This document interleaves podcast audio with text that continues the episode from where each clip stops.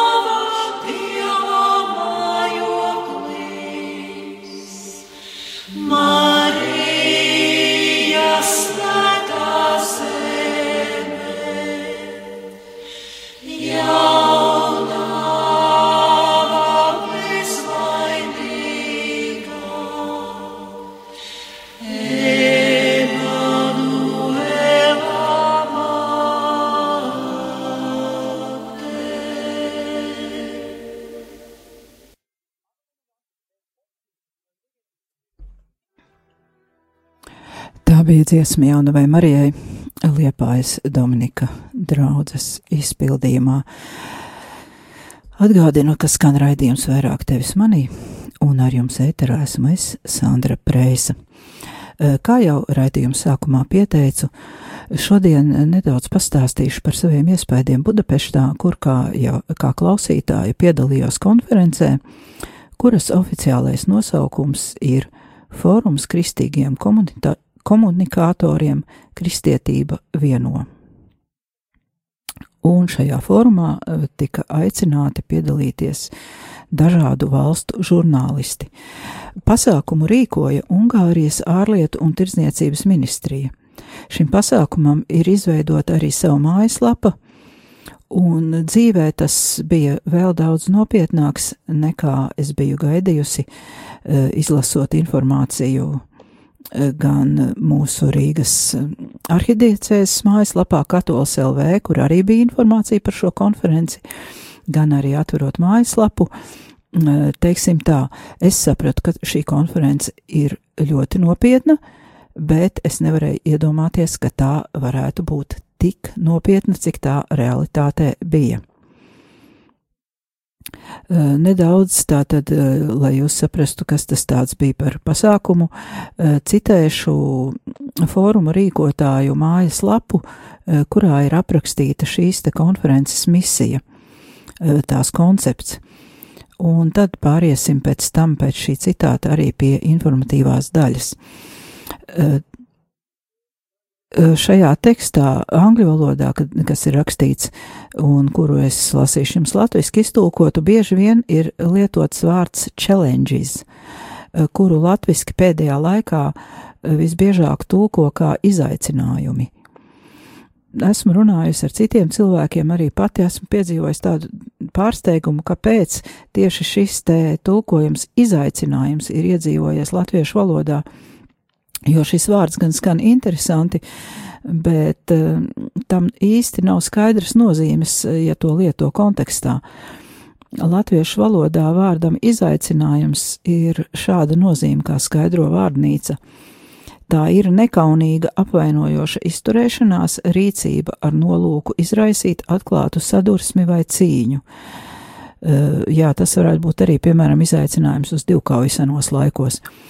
Un kā piemēri tiek minēti vārdu salikumi mēs stacijas izaicinājumu, pieņemt izaicinājumu, vai viņa vārdi skan kā izaicinājums. Savukārt profesors Andrejs Veisbergs, habilitētais filoloģijas doktors uh, un universitātes tūkošanas katedras vadītājs, savā prezentācijā par terminiem uh, politiskās un lingvistiskās izvēles, vārdu izaicinājums ir nosaucis vienkārši par modes vārdu. Angļu valodā vārda challenges sinonīmi tam ir patiesībā ļoti daudz sinonīmu, bet ir tādi kā piemēram test, kas latviski nozīmētu uzdevums, provocation, izaicinājums vai provokācija, problēma, nu, problēma tātad sarežģījums, sarežģīts tehnisks vai eh, praktisks jautājums vai uzdevums, kas ir risināms un pētāms. Tā tad tā var būt zinātniska problēma, audzināšanas problēma. Un eh, es šajā tulkojumā, vietās, kur ir lietots šis vārds challenges, es tomēr šo vārdu būšu tekstā izstājusi ar tādiem vārdiem kā uzdevums, pārbaudījums, iespējas atkarībā no konteksta. Un tā tad tagad citēju mājas lapu. Īsumā tātad par to, kas tad bija šī te konference. Vairākos aspektos Eiropa ir nonākusi krustcelēs. Ir jāpieņem nopietni lēmumi, kuri būs pamatā tam, kāds būs visa kontinenta tālākais liktenis. Daži galvenie pārbaudījumi, ar kuriem Eiropa šodien saskaras, ietekmē tās kristīgo identitāti šī tūkstošus gadu senā identitāte varētu arī sniegt iedvesmu tam, kā atrast atbildes uz šiem jautājumiem un ko darīt sastopoties ar provokācijām. Tas uzliek īpašu atbildību tiem medijiem un komunikācijas kanāliem, kuri piedar kristīgajām organizācijām vai pauž kristīgu viedokli. Un, protams, uzliek īpašu slogu uz kristīgo žurnālistu pleciem, kuri ikdienā vadās pēc baznīcas mācības un pauž baznīcas viedokli.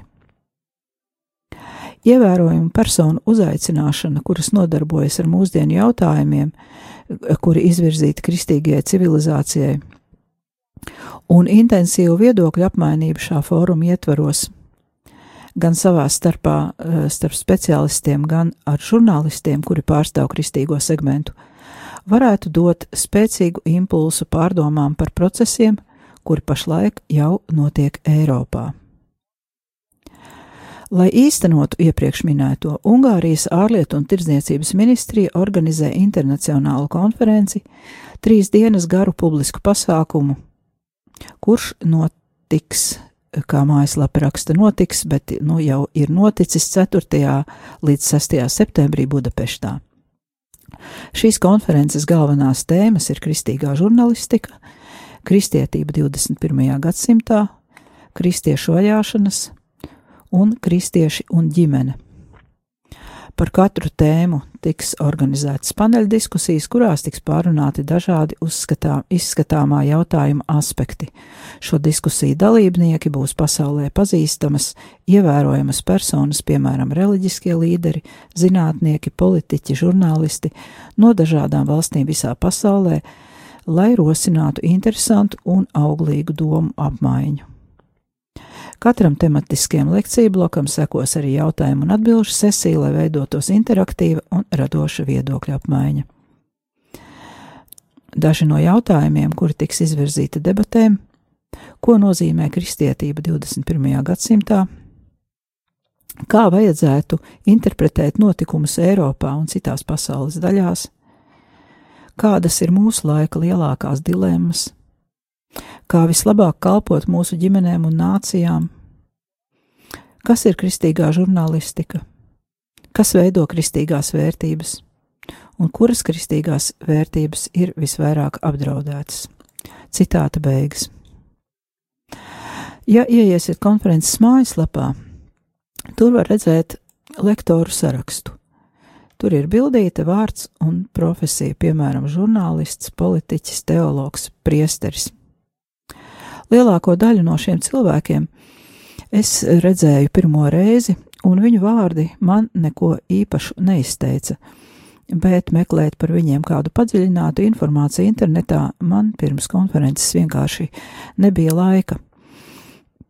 Vispazīstamākais man, protams, likās Habsburgu uzvārds, jo no vēstures zināju, un iespējams arī jūs atceraties no vēstures, Eh, ko esam skolā mācījušies, ka von Habsburgi ir Austro-Ungārijas ķēzara dinastija.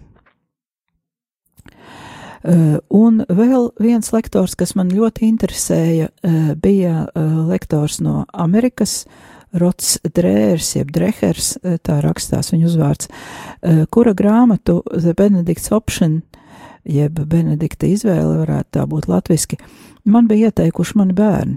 Man bērni viņu bija atraduši internetā, un izrādās, ka šī grāmata ir tāds kristiešu bestsellers un uh, The New York Times avīzes bestsellers Amerikā. Šo grāmatu es biju nopirkus un tikko sākus lasīt, un tādēļ man bija ļoti interesanti satikt, uh, redzēt šīs grāmatas autoru. Tādēļ es par viņu arī šo to zināju un biju priecīga, ka būs iespēja viņu klausīties un varbūt pat satikt personīgi. Taču, kad sākās konference un visi šie cilvēki, šie lektori un, un diskusiju dalībnieki tika stādīti priekšā, atklājās ārkārtīgi iespaidīga aina. Visi šie cilvēki izrādījās nevien vienkārši savas profesijas pārstāvji, bet gan izcilības, ar vismaz vienu doktora grādu un lieliem nopelniem savās nozarēs, gan valsts, gan arī Eiropas un visu kristiešu priekšā. Lielākā daļa no viņiem bija praktizējuši katoļi, ortodoksi vai protestanti. Eh, starp eh, dalībniekiem bija arī viens musulmanis žurnālists Omar Saifo. Tātad uzaicinātie lektori, eh, es nosaukšu valsts, bet es baidos, ka es noteikti kaut kādu valstu būšu vēl izlaidusi, jo tur bija ļoti daudz. Šo te pārstāvi tātad no Ungārijas, no Polijas, Čehijas, Slovākijas, no Brazīlijas, Lielbritānijas, Amerikas Savienotajām valstīm, no Īrijas, no Somijas, no Norvēģijas, Krievijas, Pakistānas, Indijas, Sīra, Sīrijas, Irākas, Vācijas, Francijas, no Polijas, no Vatikāna un arī no dažām Āfrikas valstīm. Uh, Tātad, kā redzam, šis spektrs bija ārkārtīgi plašs, un arī interesanti tas, ka, lai gan bija arī viena no tēmām kristiešu vajāšanas, un ka šīs vajāšanas notiek faktiski visā pasaulē, dažādās valstīs, tomēr problēmas un skatījums katrā valstī, katrā reģionā ir ārkārtīgi atšķirīgs.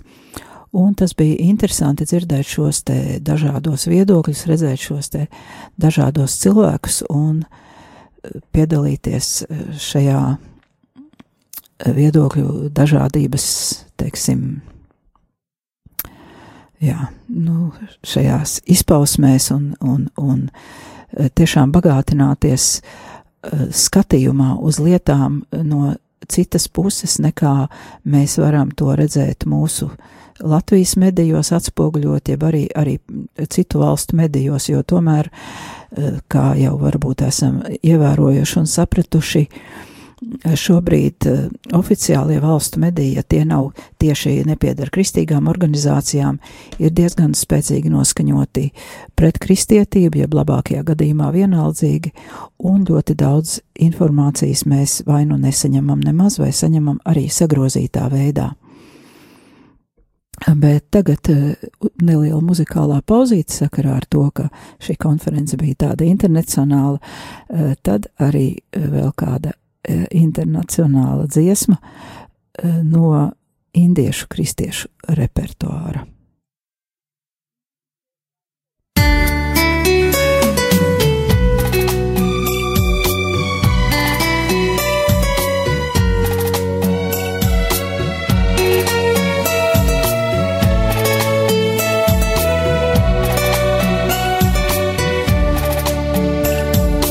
खुल जाएंगी किताबें जब भी हिसाब होगा, इंसाफ का तराजू ईशु के हाथ होगा।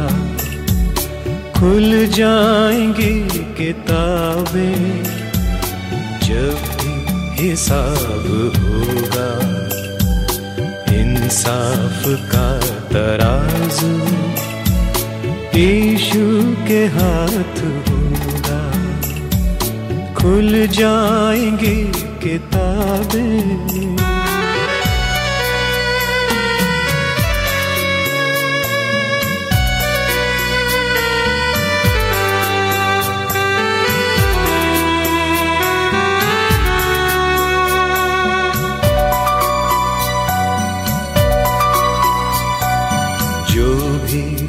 कर रहा है। ईशु वो देखता है। जो भी तू कर रहा है। ईशु वो देखता है। हर पल का तुझको इंसान। हर पल का तुझको इंसान। देना हिसाब होगा। इंसाफ का तराजू ईशु के हाथ होगा। खुल जाएँगी किताबें जब भी हिसाब होगा। इंसाफ का तराजू ईशु के हाथ होगा।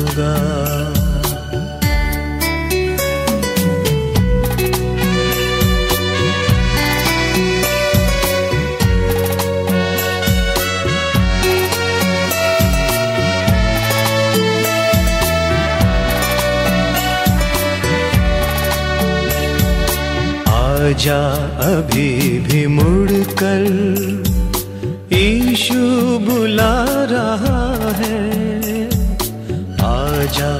अभी भी मुड़ कर ईशु बुला रहा है, वरना ये याद कर ले, वरना ये याद कर ले, तेरा ही नाश होगा। इंसाफ का तराजू ईशु के हाथ खुल जाएँगी किताबें जब भी हिसाब होगा। इंसाफ का तराजू ईशु के हाथ होगा। खुल जाएँगी किताबें जब भी हिसाब होगा। इंसाफ का तराजू ईशु के हाथ होगा खुल जाएंगी किताबें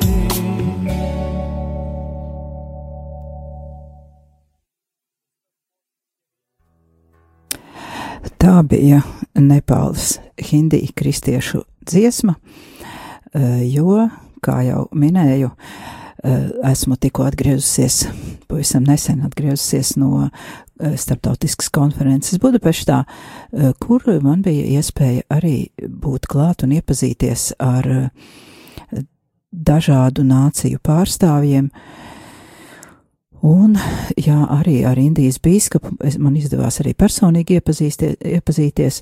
Tāpat uh, iepazinos arī ar priesteriem no Ganas, Nigērijas un Pakistānas, uh, ar lektoru no Brazīlijas.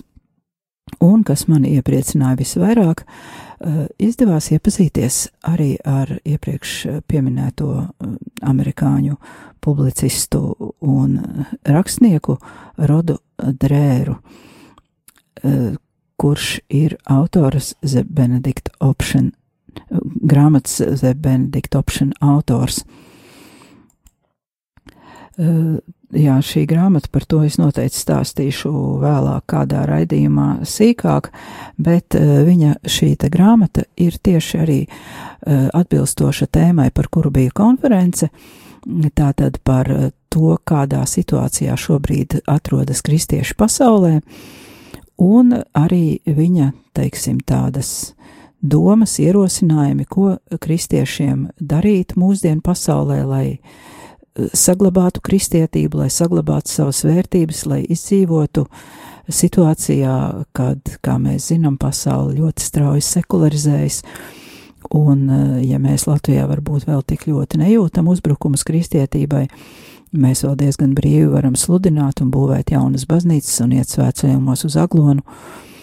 Un tā kā tādas vajāšanas tiešā veidā vēl nepiedzīvojam, taču Eiropā un Amerikā uh, tur faktiski vajāšanas gan varbūt vēl ne ar ieročiem, tā kā uh, Indijā vai Pakistānā, bet vajāšanas jau ir sākušās. Uh, Un tā tad, jā, Rodstrērs raksta par šīm te vajāšanām, par šīm te situācijām, kuras ir neizbēgami rodas un radīsies arvien vairāk mūsu sabiedrībā, un par idejām dalās ar savām idejām, ko tad darīt, lai kristieši izdzīvotu.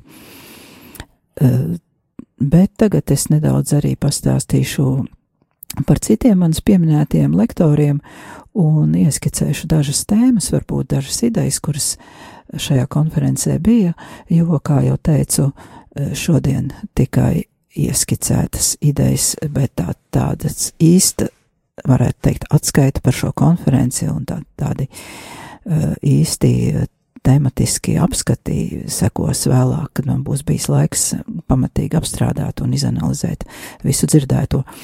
Tātad, piemēram, ļoti interesanta uh, uzstāšanās bija mm, Eduardam von Habsburgam. Uh, kā jau minēju, viņš ir uh, no Austro-Ungārijas ķēzara dzimtas, jaunākā atvase, jaunākais dēls uh, dzimis 1967. gadā Minhenē, Vācijā, bet uh, dzīvo Ungārijā un ir Ungārijas vēstnieks uh, Vatikānā un arī vēstnieks neatkarīgajā militārajā Maltas ordenī, tā kā Ungārijas pārstāvis. Un pirms tam, kā viņš sāka pildīt šos uzdevumus, viņš strādāja kā komunikācijas un preses eksperts vairākās vietās. Viņš ir beidzis Katoļu universitāti Eštatē, mācījies arī Fribūras universitātē un Fribūrā studējis filozofiju, mākslu fakultātē.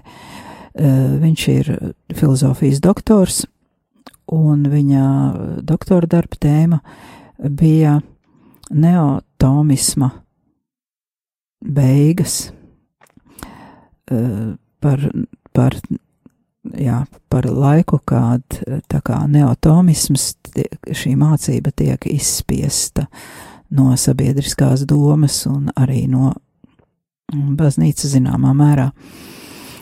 Tātad Habsburgs runā daudzās valodās, vairākās valodās, un viņš ir pazīstams arī kā vēstures un mākslas eksperts. Savā lekcijā Habsburgs pievērsās interneta tēmai un ļoti attraktīvi stāstīja par to, kā izmantot internetu kristiešu komunikācijā, un ka šis mūsdienu informācijas kanāls pēc viņa domām ir liela dieva dāvana. Eh, konkrēti viņš stāstīja par savu pieredzi Twitter vidē, kurā viņš eh, organizē, kā viņš pats smējās, katoļu Twitteri, un viņš organizē Twitterā vairākas grupas, eh, kurās kristieši dalās savā pieredzē, jo, kā viņš uzsver, lai kristieši šodien izdzīvotu un spētu nepazaudēt savu ticību un arī nes šo savu ticību gan saviem, savā apkārtnē, gan saviem bērniem, vispirmām kārtām ģimenē, to iedzīvināt, kristiešiem ir vajadzīgs atbalsts, un viņš stāstīja par to, ka viņš šo Twitteri izmanto e, dažādās valodās, viņam ir grupas, kurās kristieši mainās e, savā pieredzē, savā praktiskajā pieredzē, kā viņš teica, stāsta savus stāstus, jo cilvēkus visvairāk ietekmē stāsti. Mēs zinām arī no svētiem rakstiem, no Bībeles, kad Jēzus gribēja cilvēkiem kaut ko iemācīt, viņš stāstīja stāstus par pazaudēto eh, drahmu, par pazudušo dēlu un eh, dažādus citus stāstus. Ja? Eh, tieši tādēļ, ka caur stāstiem cilvēki vislabāk uztver informāciju un tā vislabāk paliek atmiņā un tā kā aizskar arī sirdi. Uh, Un eh, tā tad, jā, un viņš stāstīja par to, eh, Twitterā viņš tieši to arī dara, ka viņš pats stāsta savus stāstus un veido vidi, kurā kristieši mainās ar šiem stāstiem, tādā veidā viens otru stiprinot.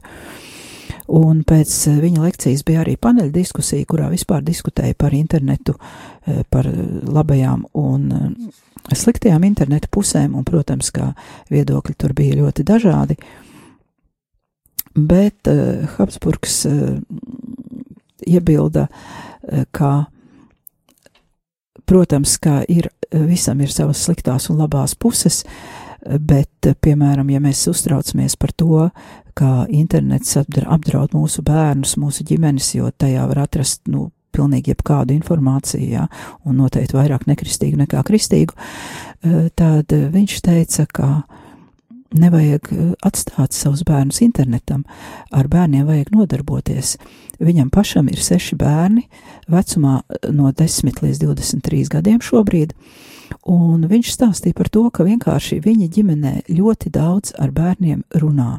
Viņi daudz kaut ko kopā dara, viņi kopā lasa, par izlasīto diskutē, eh, par redzētām filmām diskutē, un tādā veidā bērniem tiek veidots veidot pirmkārt spēju atšķirt lietas, labas un ļaunas lietas, izdarīt izvēles, un, eh, protams, kā ģimenē tā tad arī tiek veidota šī kopējā vērtību sistēma, un Habsburgs eh, teica, ka viņa viedoklis ir tāds, ka ja ģimenē bērni tiek audzināti, nevis atstāti savā vaļā, tad internets viņus, nu, praktiski neapdraud, jo viņi spēja atšķirt, kas ir skatāms, kas nav skatāms, kam ticēt, kam neticēt, ja? bet tā tad ir ļoti liels darbs jāveic ģimenē. Jā, tas bija tāda ļoti interesanta liecība, eh, jo arī pats eh, lektors bija ārkārtīgi pozitīvs, tāds ar tādu vieglu humoru eh, pieskaņu viņš runāja, bet te pašā laikā tādas ļoti, ļoti nopietnas lietas pateica. Tad tur bija pārstāvēti vēl arī žurnālisti, ārsti, divi kino režisori, Eh, Pāvils eh, Svoboda no Čehijas, un tagad es momentāli neatcerēšos, aizmirsu, aizmirsu otra režisora vārdu. Eh, tad ļoti interesantu lekciju lasīja žurnālists Salvino Mario Fantīnī, kurš ir Eiropas konservatīvo konservatīvo apvienības vadītājs. Un viņš arī ir konsultants Dignitātis Humani institūtā. Uh, rakstā Wall Street žurnālam, rakstā Catholic World Report, rakstā izdevumā The American Conservative, The New Criterion, un mm, arī kalpo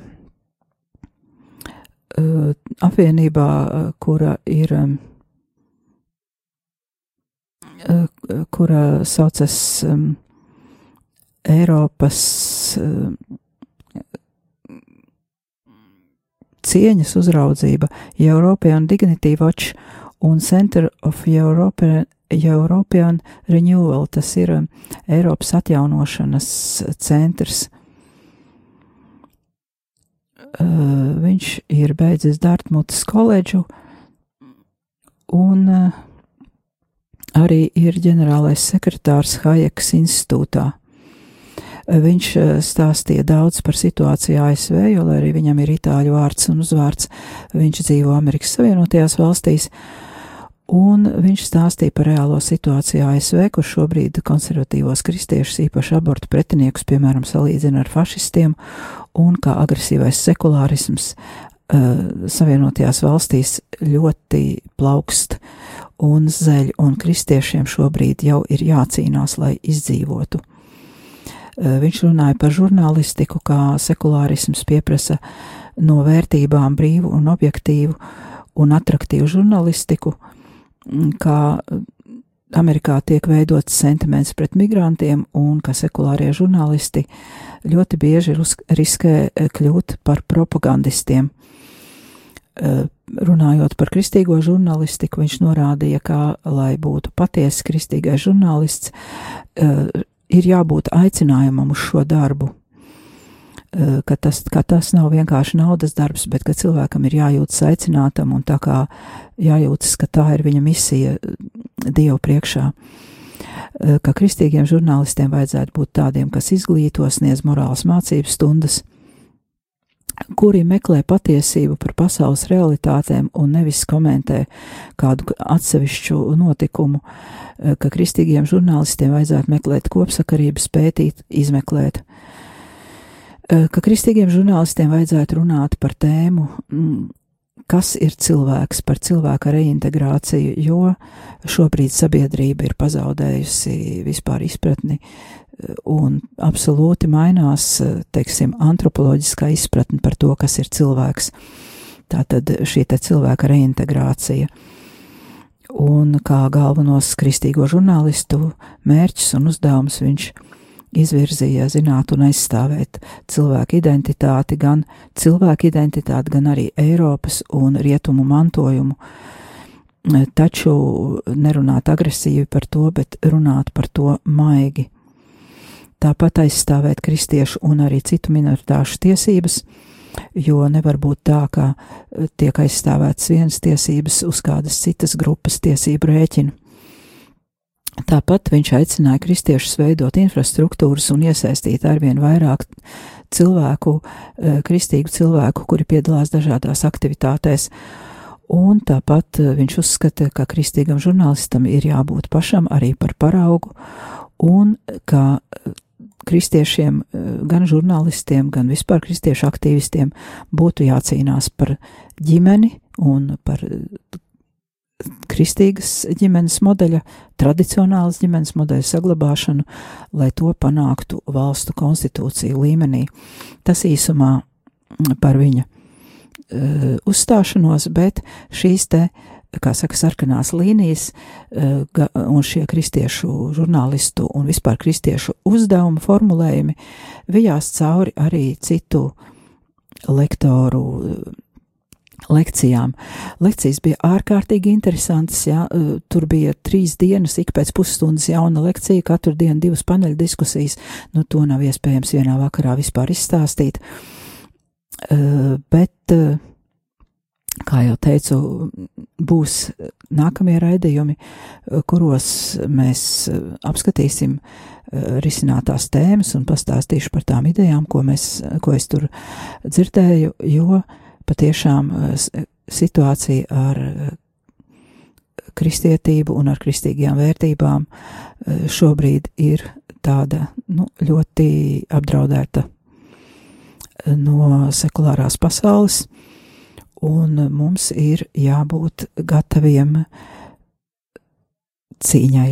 Jā, mums ir jābūt gataviem cīņai, jo Ja mēs paši sevi neaizstāvēsim, un ja mēs nerunāsim drosmīgi un skaļi, mēs šo cīņu varam arī zaudēt.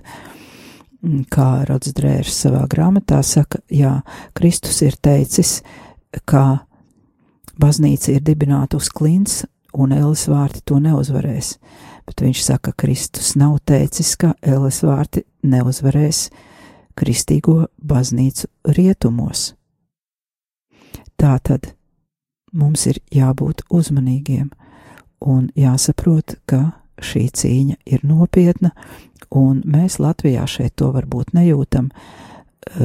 Mums tas ir vēl tikai tādā sākuma posmā, bet ja mēs, kā saka, kā strausi paslēpsim galvu zemē un izliksimies, ka mūs tas neskar, mēs varam nonākt ļoti, ļoti bēdīgā situācijā ar laiku.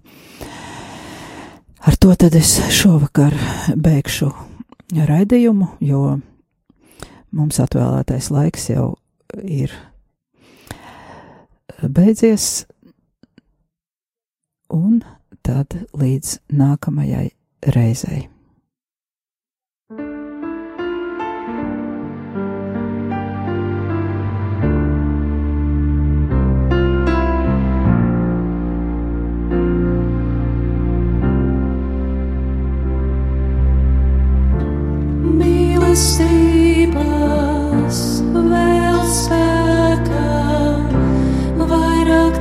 Vēl spēkā, vairāk tevis manī.